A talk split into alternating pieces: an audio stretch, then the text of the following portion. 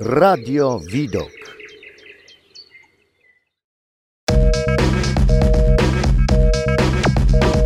Edukator społeczny.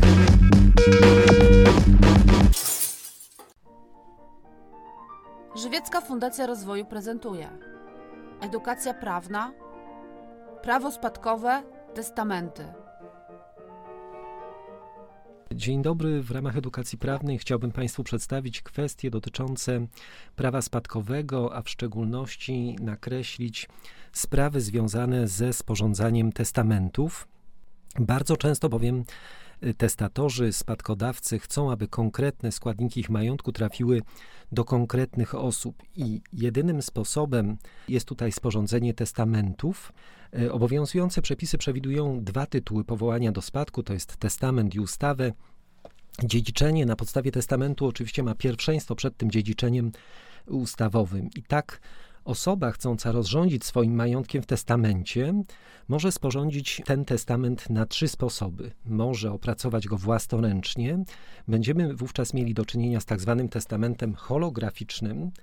Może udać się do notariusza, by sporządzić testament w formie aktu notarialnego, lub też może skorzystać z trzeciej opcji, jaką jest złożenie oświadczenia woli ustnie w obecności dwóch świadków i w zależności od miejsca zamieszkania wójta, burmistrza lub prezydenta miasta, ale także w obecności sekretarza gminy lub kierownika Urzędu Stanu Cywilnego.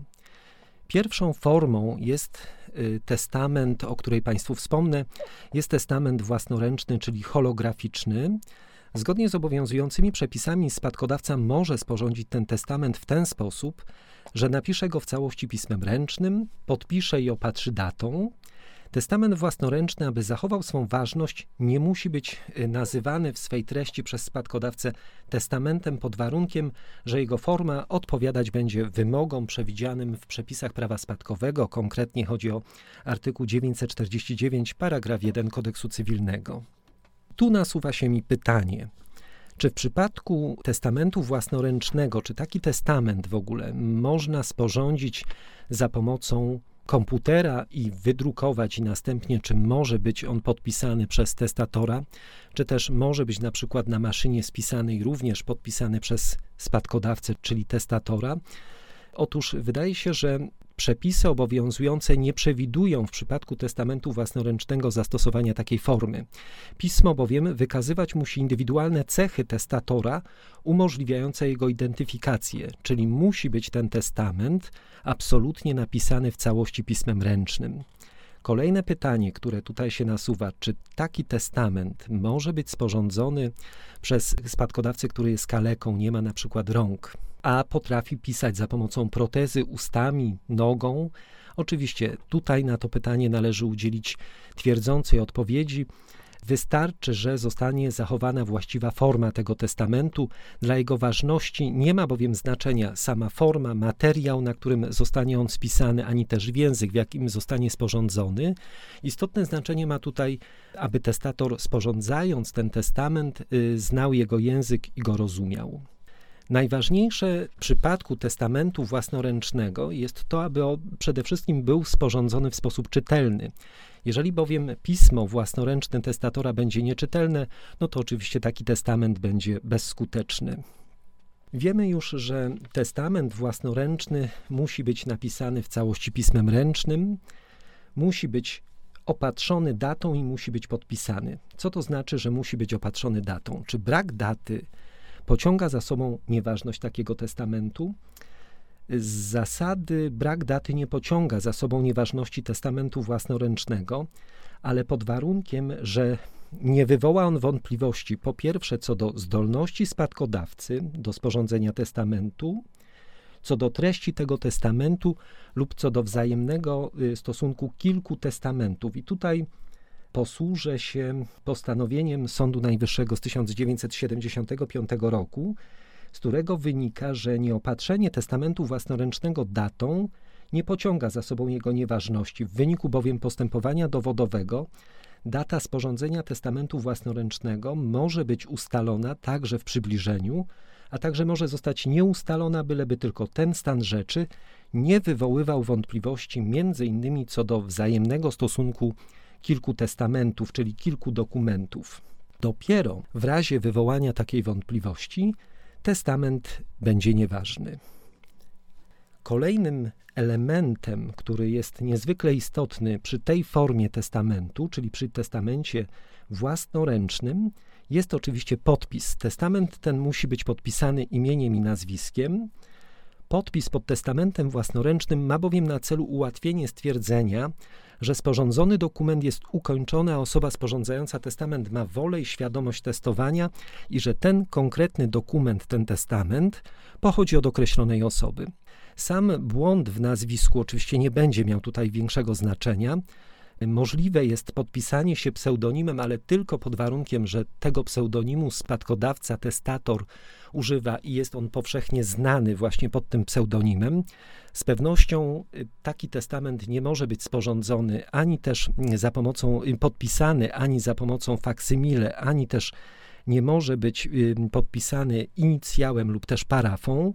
Forma skrócona nazwiska oczywiście może być używana pod warunkiem również, że taką formą posługuje się testator, przyszły spadkodawca. Na innych dokumentach jesteśmy w stanie stwierdzić, że faktycznie porównując e, te dokumenty, że to właśnie chodzi o tą konkretną osobę.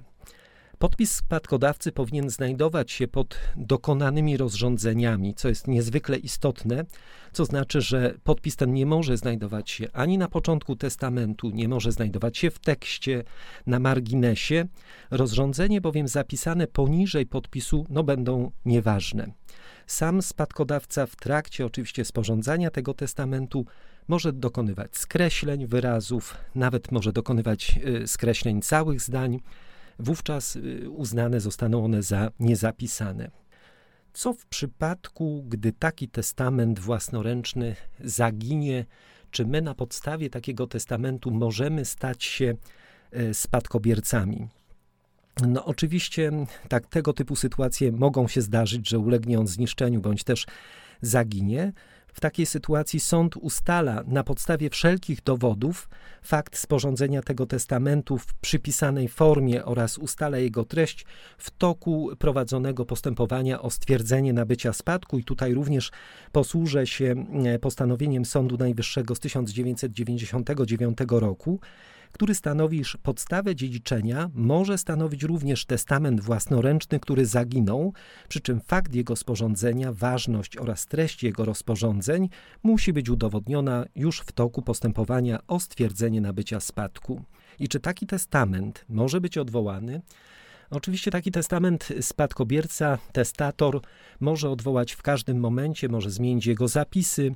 No wówczas oczywiście taki testament nie będzie miał już y, mocy prawnej. Kolejną formą testamentu jest testament alograficzny, czyli urzędowy, dający spadkodawcy korzyści porównywalne z testamentem notarialnym.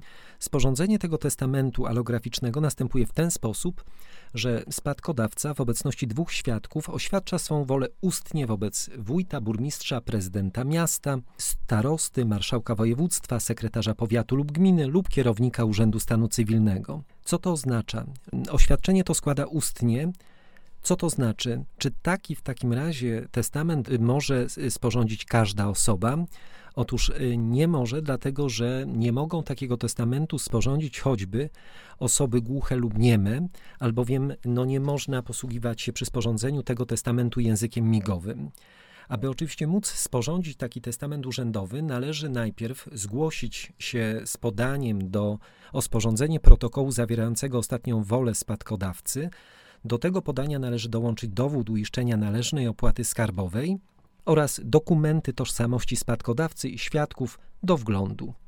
Świadkowie muszą być oczywiście obecni w czasie składania oświadczenia przez spadkodawcę. Świadkiem testamentu alograficznego może być osoba sporządzająca protokół zawierający rozrządzenia spadkodawcy. Co to oznacza? Czy każdy może być w takim razie świadkiem testamentu alograficznego, tego urzędowego? Otóż nie każdy. Świadkiem takim nie może być osoba, która nie posiada pełnej zdolności do czynności prawnych, osoba niewidoma, głucha lub niema. Nie może być świadkiem również osoba nieumiejąca czytać i pisać. Nie może to być osoba niewładająca językiem polskim, osoba skazana prawomocnie wyrokiem sądowym za fałszywe zeznania, oraz osoba, dla której przewidziana została w testamencie jakakolwiek korzyść, jak również jej małżonek, krewni lub powinowaci pierwszego lub drugiego stopnia oraz osoby pozostające z nią w stosunku przysposobienia. Protokół może zostać sporządzony zarówno pismem ręcznym, jak i maszynowym. Protokół powinien być opatrzony datą. Tutaj data powinna wskazywać konkretnie dzień, miesiąc i rok sporządzenia. Protokół ten bowiem jest oświadczeniem testatora, ma charakter urzędowy i data powinna być kompletna.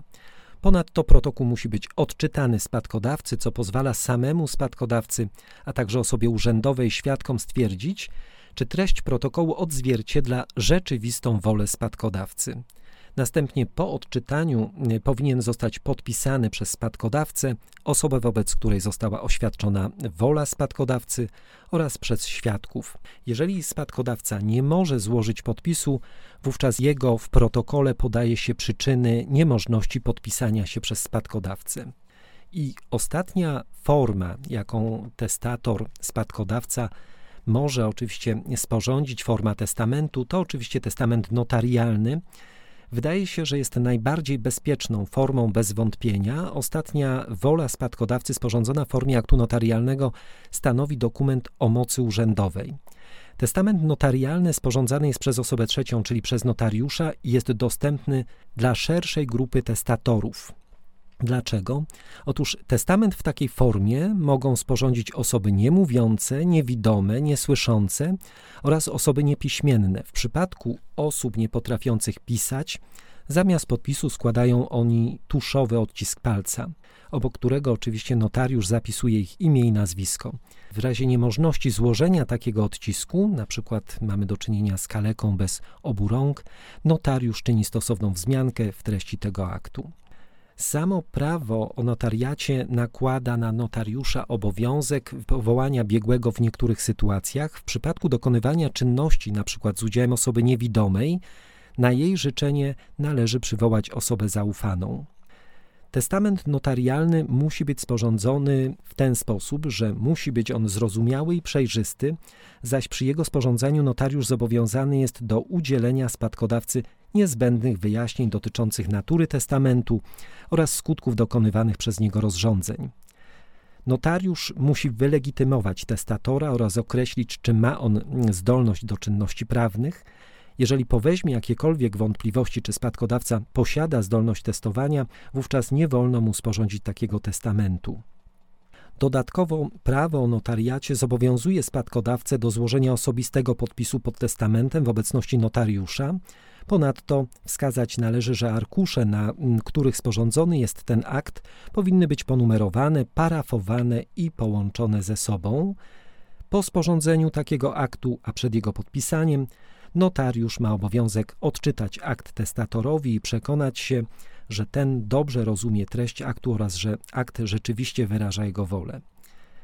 Taki testament sporządzony przez notariusza może być wprowadzony do notarialnego rejestru testamentów, co ułatwia spadkobiercom po śmierci testatora odnalezienie oczywiście tego testamentu za pomocą rejestru. Mogą bowiem dowiedzieć się, do którego notariusza mają się zgłosić po testament i każdy, kto okaże w dowolnej kancelarii notarialnej odpis aktu zgonu, uzyska informacje o sporządzonych i zarejestrowanych testamentach określonego spadkodawcy lub o ich braku. E, mam nadzieję, że wiedza przedstawiona przeze mnie w tak telegraficznym skrócie rozwieje Państwa obawy co do sposobu i formy rozrządzenia swoim majątkiem na wypadek śmierci, a niezdecydowanym pomoże w podjęciu właściwej decyzji. Dziękuję za uwagę. Podcast powstał w ramach projektu Świadomy Obywatel, Świadoma Obywatelka, realizowanego przez Żywiecką Fundację Rozwoju, finansowanego ze środków będących w dyspozycji Ministra Sprawiedliwości, uzyskanych w konkursie przeprowadzonym przez Starostwo Powiatowe Żywiec.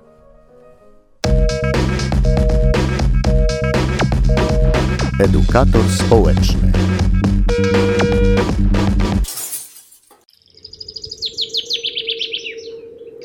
Radio Widok.